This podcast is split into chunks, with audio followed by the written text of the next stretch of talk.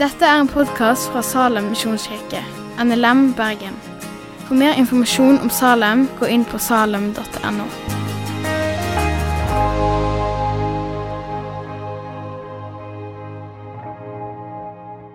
Gode far, takk for Ingvald. Takk for det du har gitt han fra deg. Takk for at vi skal få gå inn i Malaki-boka og se hva du har ment og fortelle oss der. Må du fortsatt være med oss og velsigne kvelden. Ditt navn. Amen. Vi skal ta og begynne med å lese noen vers. De versene er sånn. Plikten er tålmodig. Plikten er velvillig. Plikten misunner ikke. Plikten brisker seg ikke. Plikten blåser seg ikke opp. Gjør ikke noe usømmelig. Søker ikke sitt eie. Vert ikke bitter. Gjemmer ikke på det vonde. Plikten gleder seg ikke ved urett, men gleder seg ved sannhet. Plikten holder ut alt. Plikten tåler alt. Plikten håper alt. Plikten tåler alt. Var det noe som ikke helt stemte i det jeg nå?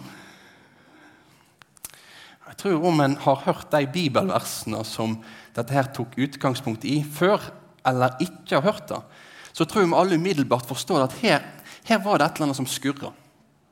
Plikt. Plikt kan være en god ting. At vi faktisk gjør ting som vi skal gjøre. Vi skal ikke snakke ned plikt. Skal jeg en arbeidstaker, så skal jeg få gjøre jobben min. Det er rett, og det er godt. Men hvis det er sånn at jeg begynner å forholde meg til Gud som et pliktløp, så er det et eller annet som begynner å skurre. Akkurat som det er i et ekteskap eller i et forhold. Hvis det kun er plikt, så er det noe som etter hvert blir tyngre og tyngre. Gnisser mer og mer. Plikta kan holde det gående med de faste aktivitetene, med tingene en holder på med. En kan gjøre det samme. Men jeg merker at hjertet er vekke. Jeg merker at gløden den har forsvunnet. En merker at det som var selve drivet, det er borte vekk. Malakis bok det er ei bok i Det gamle testamentet om et folk, israelsfolket, som ble regna, og som regna seg sjøl som Guds folk. Men vi kan se at i deres forhold til Gud så har det skjedd en endring. Så har det skjedd at det stort sett er plikten og ikke kjærligheten som er pulsslaget.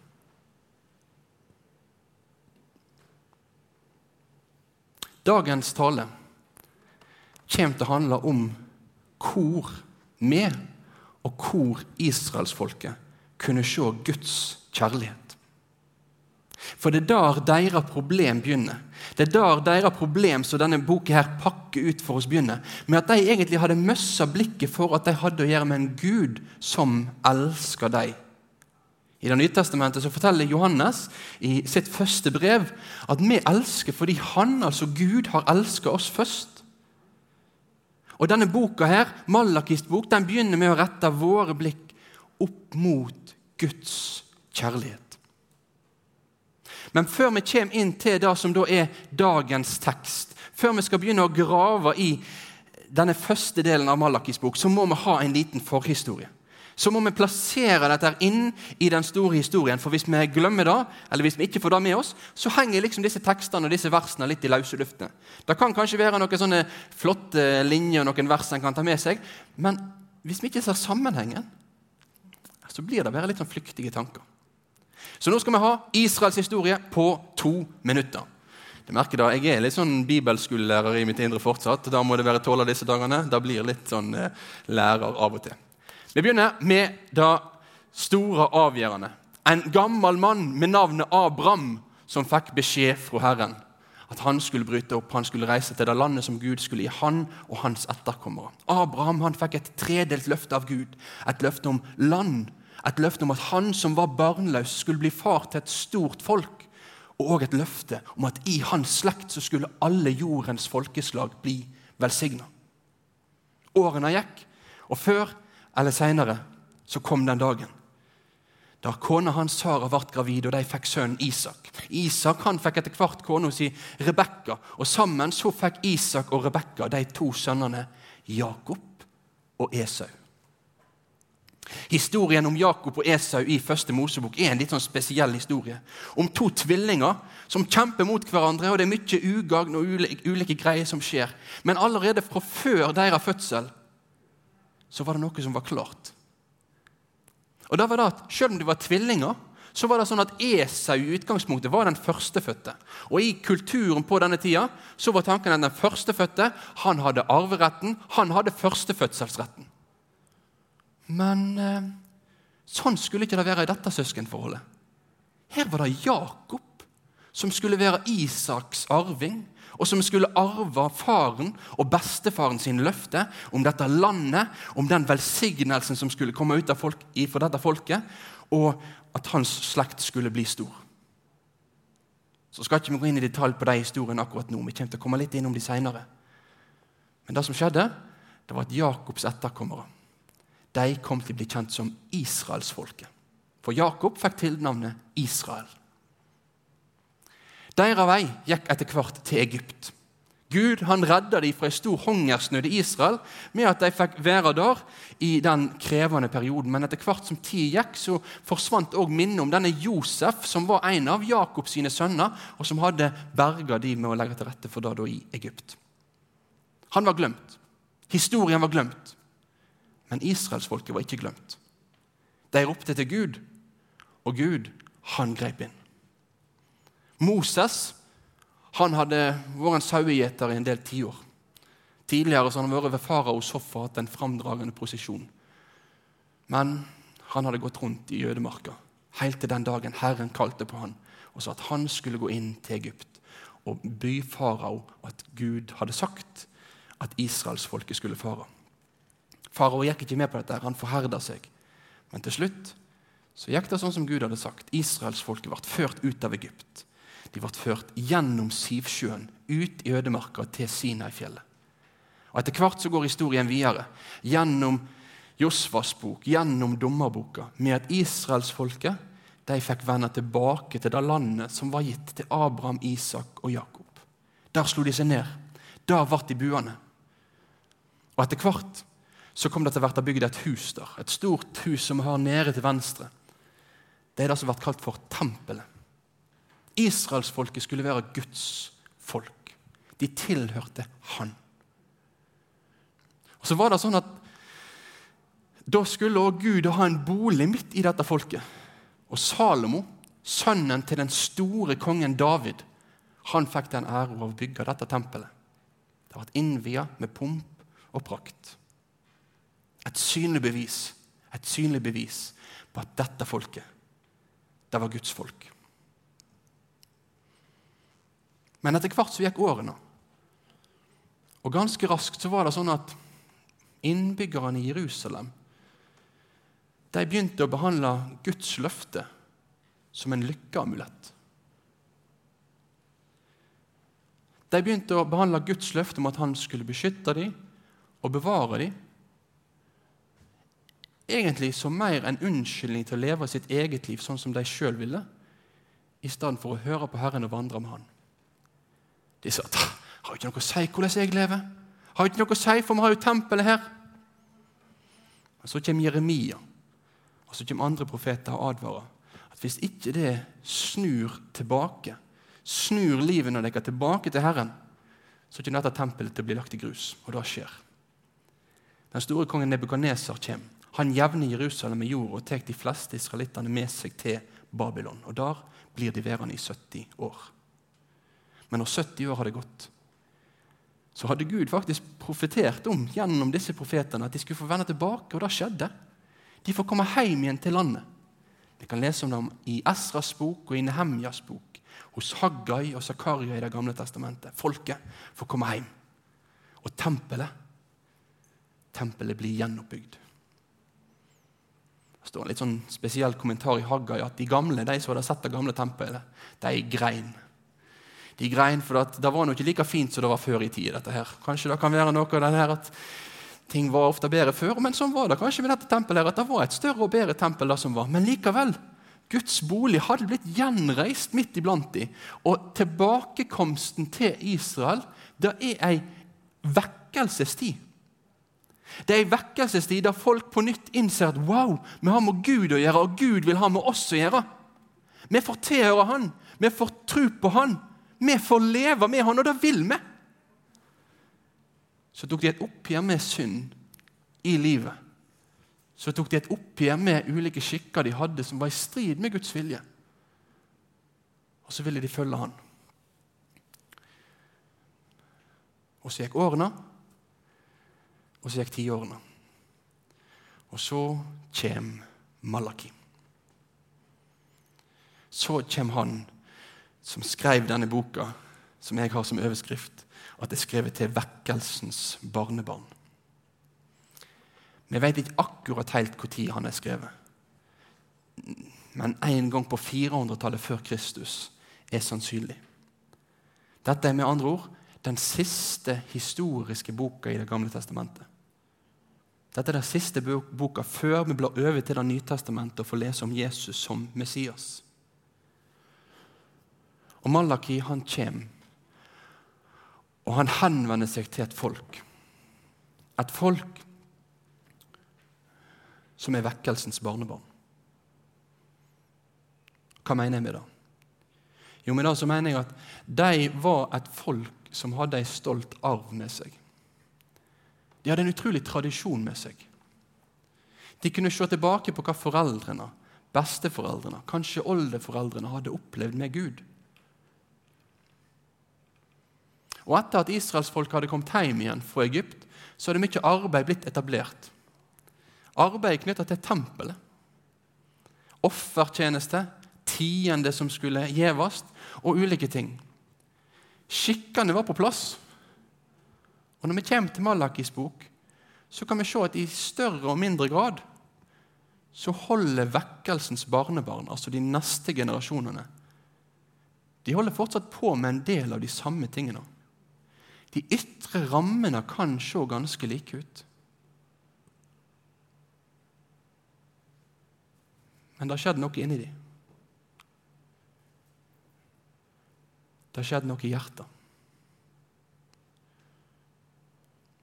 Det å være Guds folk, det er mer en pliktsak.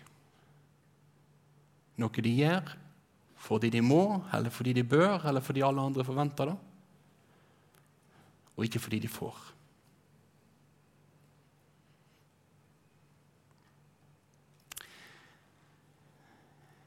Nå står jeg i Salem i Misjonssambandet sin lokale midt i Bergen. Går med 120, 30, 40 år tilbake i tid.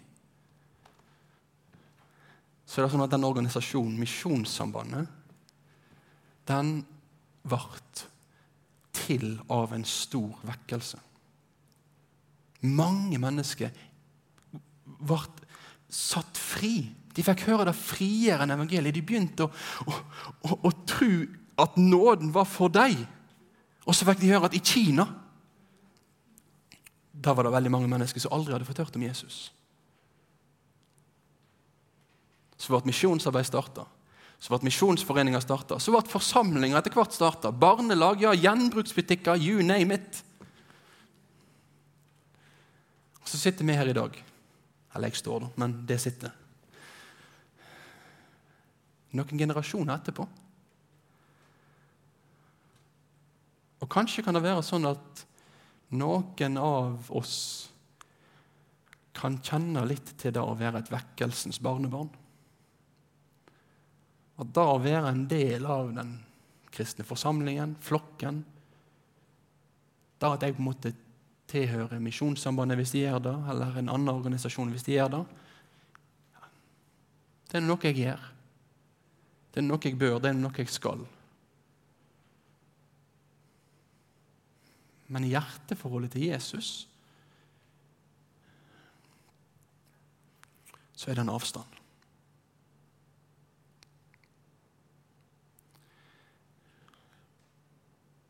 denne boka har en spesiell aktualitet akkurat for deg.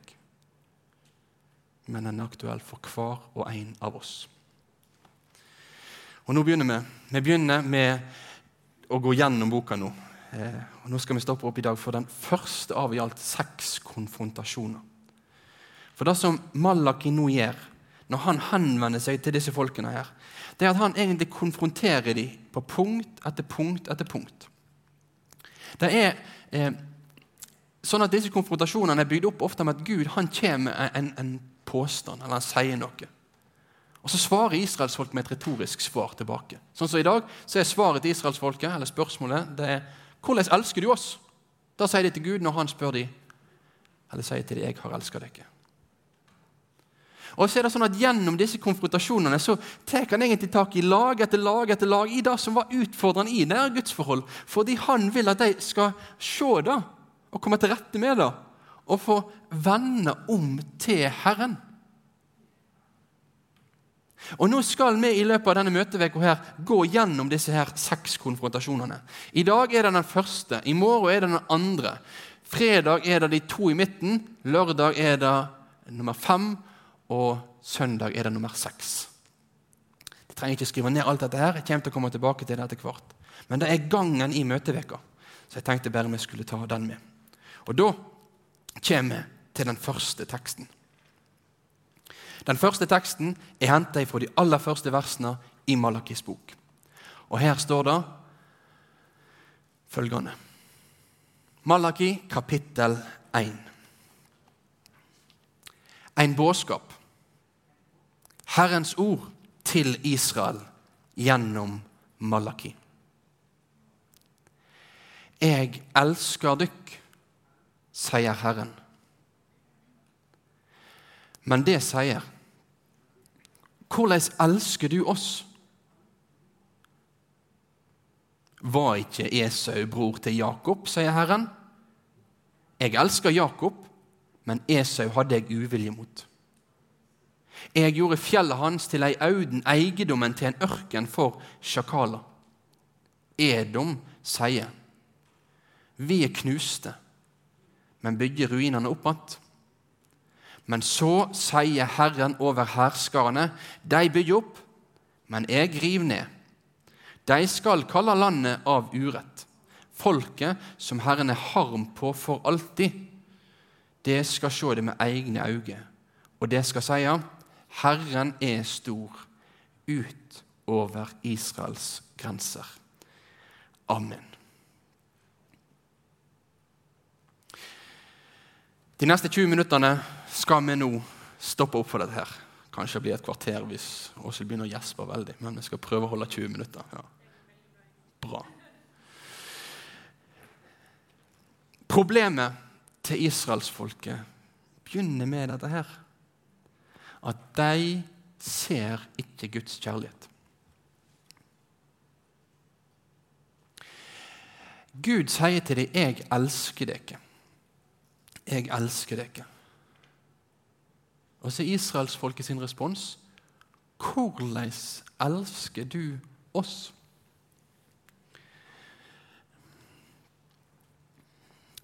Poenget er ikke at israelsfolket ikke har hørt den setningen før. Israelsfolket sitt svar er ikke 'Oi, oi, elsker du oss?' Det har vi aldri hørt før. Det var nyheter. Takk at du forteller det nå, da, etter at vi har styrt på her med forskjellige ting i mange år. Nei, De ser ut til å på en måte vite dette her. De ser ut til å på en måte kunne den setningen. Vite at ja, Gud han elsker oss. Men utfordringen er hvordan? Vi hører du sier det, Gud, at du elsker oss, men vi ser det ikke. Vi ser ikke din kjærlighet. Det blir for oss tomme ord i møte med den hverdagen som vi står midt oppi.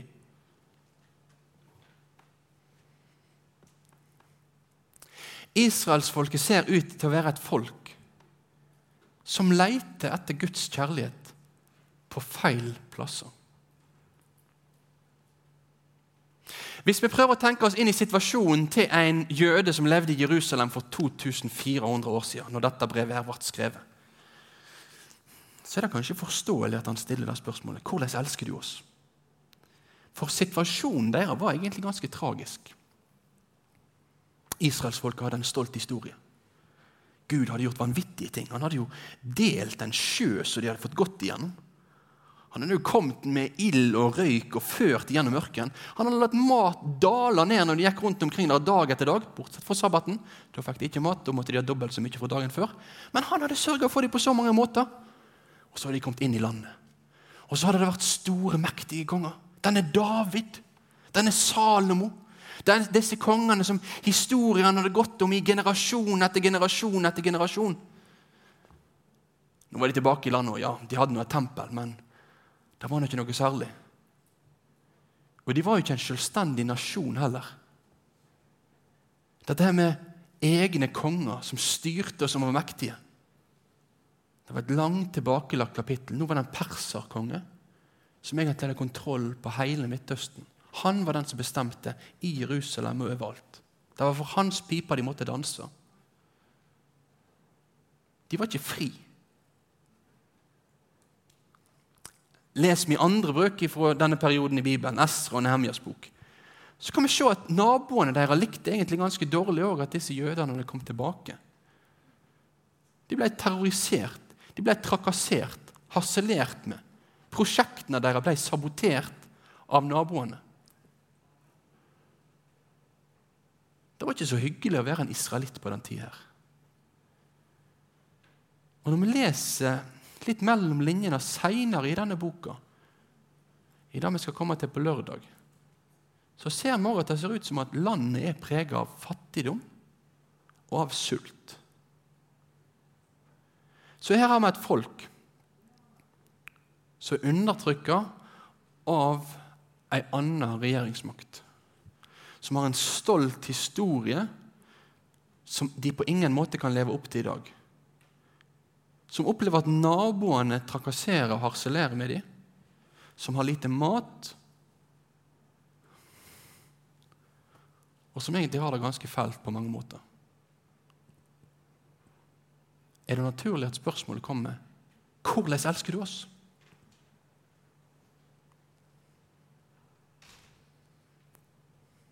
For oss mennesker. Den gang da som nå i dag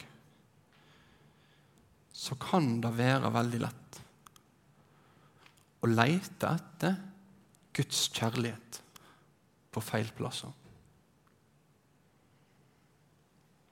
Så kan det være veldig lett for oss at vi først og fremst ser på vår hverdag, eller på vår situasjon, eller på det vi står midt oppi akkurat nå i livet vårt, og så er det temperaturmåleren på om Gud elsker oss eller ikke.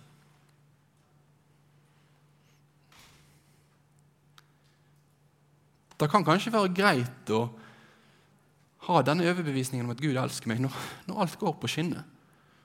Når jeg har det fint i livet, når Det går fint på jobben, studieplassen, har det greit med vennene mine. Kanskje en i et forhold som fungerer greit. Ikke er sjuk. Men så rakner alt.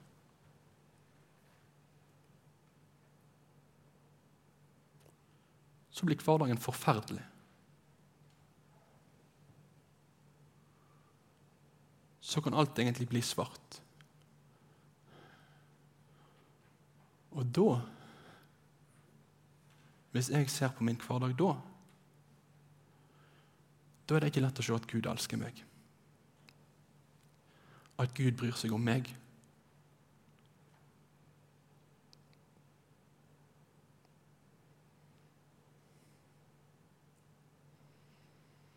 Men denne teksten den vil nå hjelpe oss med å rette vårt blikk mot der vi kan se Guds kjærlighet. Det er en tekst som vil refokusere blikket vårt. Og refokusere blikket til israelittene. Sånn at de fikk begynne å lete etter Guds kjærlighet på rette plasser. Og da kommer Gud via Malaki med det svaret. som for oss vi kanskje syns er veldig merkelig. Nå skal Gud vise Nå skal jeg vise deg hvordan jeg elsker dere. Og så sier han bare se på historien i Bibelen. Var ikke Esau bror til Jakob, sier Herren. Jeg elsker Jakob, men Esau hadde jeg uvilje mot. Og dette er 2011-oversettelsen. Den er litt sånn soft. Eh, ja, veldig bra, men, men, den er litt sånn soft akkurat i oversettelsen. her. I 88-oversettelsen litt mer sånn hardt. For da står det 'Jakob elsker jeg, Esau hater jeg'. Og det er egentlig, sånn Ut ifra hebraisken så er det da retta. For det er ordet for hat som vært brukt. Men 2011-besettelsen har valgt uvilje rett og slett for å illustrere at her er det nok ikke snakk om hat sånn som i første omgang vi tenker hat mellom oss medmennesker. Det er ikke en følelsesmessig avsky der, der på en måte Gud spyr av dem, eller hva vi skal si. Dette handler om prioritering. Vi kan støkke litt til når vi leser dette verset og tenker Oi! Dette var et vanskelig vers. Men for israelsfolket, nå må vi huske inn i deres hode, i deres historie, så ga dette mening. For de var Jakobs etterkommere. De var arvinger av hans løfte. De fikk bo i det landet som var gitt til hans slekt. Det ga mening for dem at ja, løftene ble knytta til Jakob. Guds frelseshistoriske løfte ble knytta til han.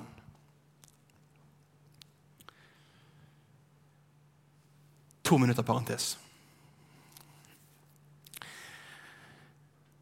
Når vi leser disse versene, her, så er dette noen vers som òg Nytestamentet tar fram. I Romerbrevet kapittel 9 så står det noen vers om dette her, og det blir snakk om farao og det ene og det andre. Og De tekstene de blir av og til tatt fram for å hevde det som blir kalt for en dobbel predestinasjon. Hvis du ikke har hørt det begrepet før, det er helt greit. Hvis du har hørt det før, så skal jeg si litt til om det. Det handler om at Gud i, fra evighet av har forutbestemt noen mennesker til å bli frelst, og andre til å ikke bli frelst. Og uh, Ut ifra en tanke om dobbel predestinasjon så har av og til disse tekstene her, bl.a. den i Malakis bok, vært brukt for å hevde at det er det som er poenget.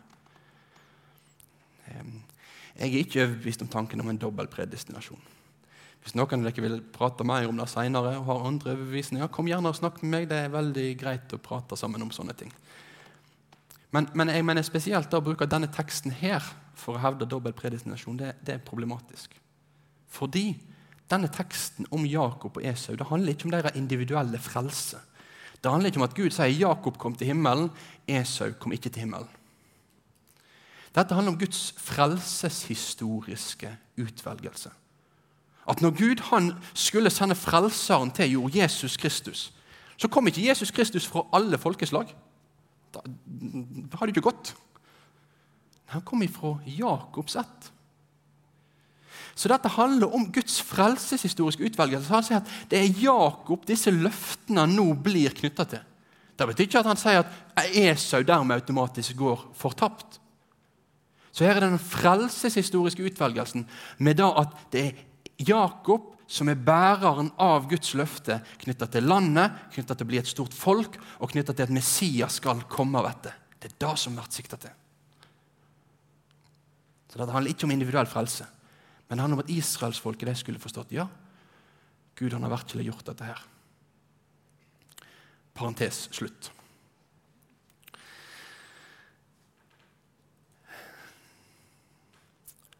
Så Jakob begynner, Malaki begynner med å henvise til se hva Gud har gjort i historien. Se hva Gud har gjort i historien for deg, Israel. Der ser du Guds kjærlighet. Så fortsetter han med å henvise til Jeg gjorde fjellet hans til ei auden, eiendommen til en ørken for sjakaler. Edom sier vi er knuste, men bygger ruinene opp igjen. Men så sier Herren over herskarene, de bygger opp, men jeg river ned. De skal kalles landet av urett, folket Herren er harm på for alltid. Edom kommer nå inn som et navn her. Og Edom det ble litt skjult ned i hjørnet her, men da er det nabokongedømmet til Israel. Juda ser det på skjermen hvis de ser skjermen. Det er stort og rødt. Nede i høyre hjørne der er noe gult. Da er Edom. Edomittene de var da Esau sine etterkommere. Og når Malakis bok var skrevet, så var Edom jevna med jordet. Da hadde det vært noen herjinger der som førte til at dette kongedømmet her egentlig var utsletta. Derfor så, så, ser det ut som at det andre poenget som Gud da vil understreke sin kjærlighet med, det er å si ja, se på hva som har skjedd i historien, men for det andre se også hvordan min frelseshistoriske utvelgelse har konsekvenser i dag. Det som skjer med edomittene, det skal ikke skje med dere. Og for det tredje så løfter han blikket framover. Det skal se det med egne øyne, og det skal si at Herren er stor utover Israels grense. Han løfter blikket framover. Han gir et løfte om at en dag så skal hele verden se at Herren er stor. Kort oppsummert så er det sånn at disse tekstene her, den overbevisningen Gud da vil komme til israelsfolket med, da han vil overbevise dem om at 'jeg elsker dere', 'jeg har vist, jeg viser, og jeg skal vise min kjærlighet til dere', den blir knytta både til fortida, nåtida og framtida. Det er hans frelseshistoriske handlinger i fortida. Det er konsekvensene av hans historiske handlinger i nåtida, og det er hans løfte for framtida israelsfolket skulle få hvile i. Løft blikket, Israel. Se det store bildet. Se at Herren arbeider. Så vil jeg rette blikket tilbake til oss. Det er nyttig for oss å bruke litt tid på å grave inn i hva er det de som la oss og hørte dette første gang. Hva er det de ville tenkt? Hva er det de ville erfart? Hva er det de ville opplevd? Men du og jeg, vi sitter jo her i dag. Jeg har ingen nabo som heter Edom. Og det tror ikke du heller har. Kanskje, det er ikke godt å vite. Men vi, vi lever i en annen tid. Vi lever i en annen hverdag. Vi lever for det første i den nye pakt, ikke i den gamle pakt. Det kunne vært sagt mye om, og det kommer vi til å si mye om seinere i uka. Men hva har dette å si for oss i dag? Hvordan kan vi dra trådene for dette inn i våre liv? Og Da vil jeg egentlig stille spørsmålet til deg. Hvor ser du? Hvor ser du? Som et trygt fundament for ditt liv når det gjelder da å se Guds kjærlighet, se Guds omsorg, se Guds nåde. Hvor ser du?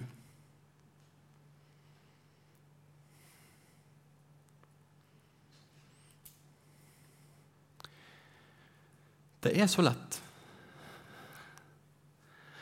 at omstendighetene blinder meg. At hverdagen opptar alt mitt blikk. At det jeg erfarer eller ikke erfarer, at det er det jeg ser på.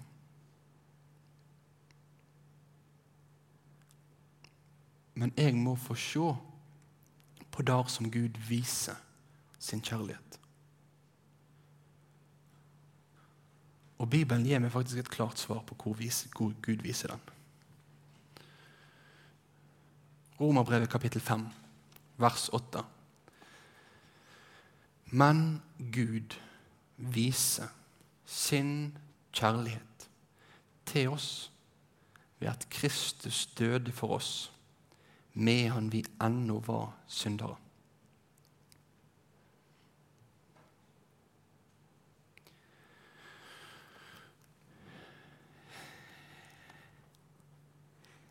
Her blir egentlig min situasjon utelukka. Og det er veldig fint. For her står ikke det Gud, Gud viser sin kjærlighet når jeg har det sånn. Eller Gud viser ikke sin kjærlighet når jeg har det sånn. Det er mer en generell beskrivelse. Her viser Gud sin kjærlighet. Han viser det på korset. Det er et vedvarende, et vedvarende moment her. dag etter dag etter dag etter dag. Nå i kveld, når du står opp i morgen, når du legger deg i morgen Den dagen du ligger for døden Hvor viser Gud sin kjærlighet da? Han viser den på korset. Så når jeg, når jeg kjenner på, kjemper med, sliter med de tankene at jeg, jeg ikke kjenner meg elska Jeg ikke kjenner at Gud vil ha med meg å gjøre Så skal jeg få se på korset. Så skal jeg få se på Jesus som gjev sitt liv for meg.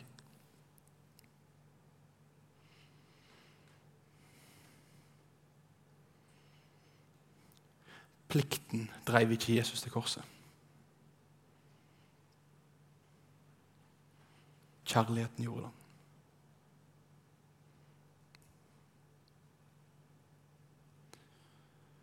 Det var ikke et OK. Jeg får vel gjøre det, da. Han gjorde det. Han gjorde det av kjærlighet. Det var tungt. I Getsemane så sier han til sin himmelske far ikke som jeg vil, men som du vil. For han visste hva som lå der. Men han var villig til å gå den veien. Fordi han elsker deg, og han elsker meg.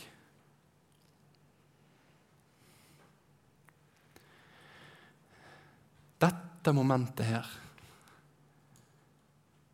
da kan vi ikke hoppe bukk over. Da kan ikke vi tenke at 'yes, dette kan jeg, så nå kan jeg bare fortsette videre'.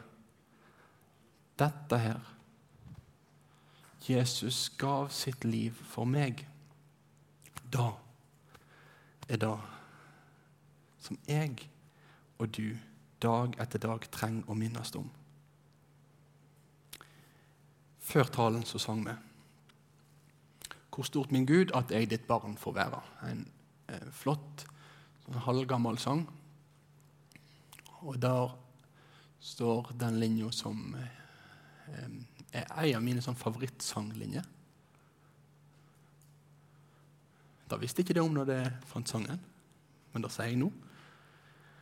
Og den linja, da er Du visste alt om meg før du meg kalla og gav meg plass ved nådens rike bord. De to sannhetene sammen Det er jo helt ufattelig. Gud visste alt om meg. Alt om deg. Ingenting var skjult for han. Og samtidig så elsker han deg og meg sånn at han gjorde alt som måtte gjøres for at vi skulle bli hans. Det er ikke en blind kjærlighet. Det er ikke en kjærlighet der Jesus bare måtte lure, havne opp i en eller annen relasjon til oss, men han var ikke helt klar over hvor ille det sto til med oss. Han visste alt. Alt. Du kan ikke pynte deg for han på den måten. Alt er kjent for han, og alt er gjort opp av han. Sånn elsker han deg. Amen. Takk for at du har hørt på podkasten fra Salem, Bergen. I Salem vil vi vinne, bevare, utruste og sende, til Guds ære. Vi ønsker å se mennesker finne fellesskap, møte Jesus og bli disippelgjort her i Bergen og i resten av verden. Vil du vite mer om oss, gå inn på salem.no.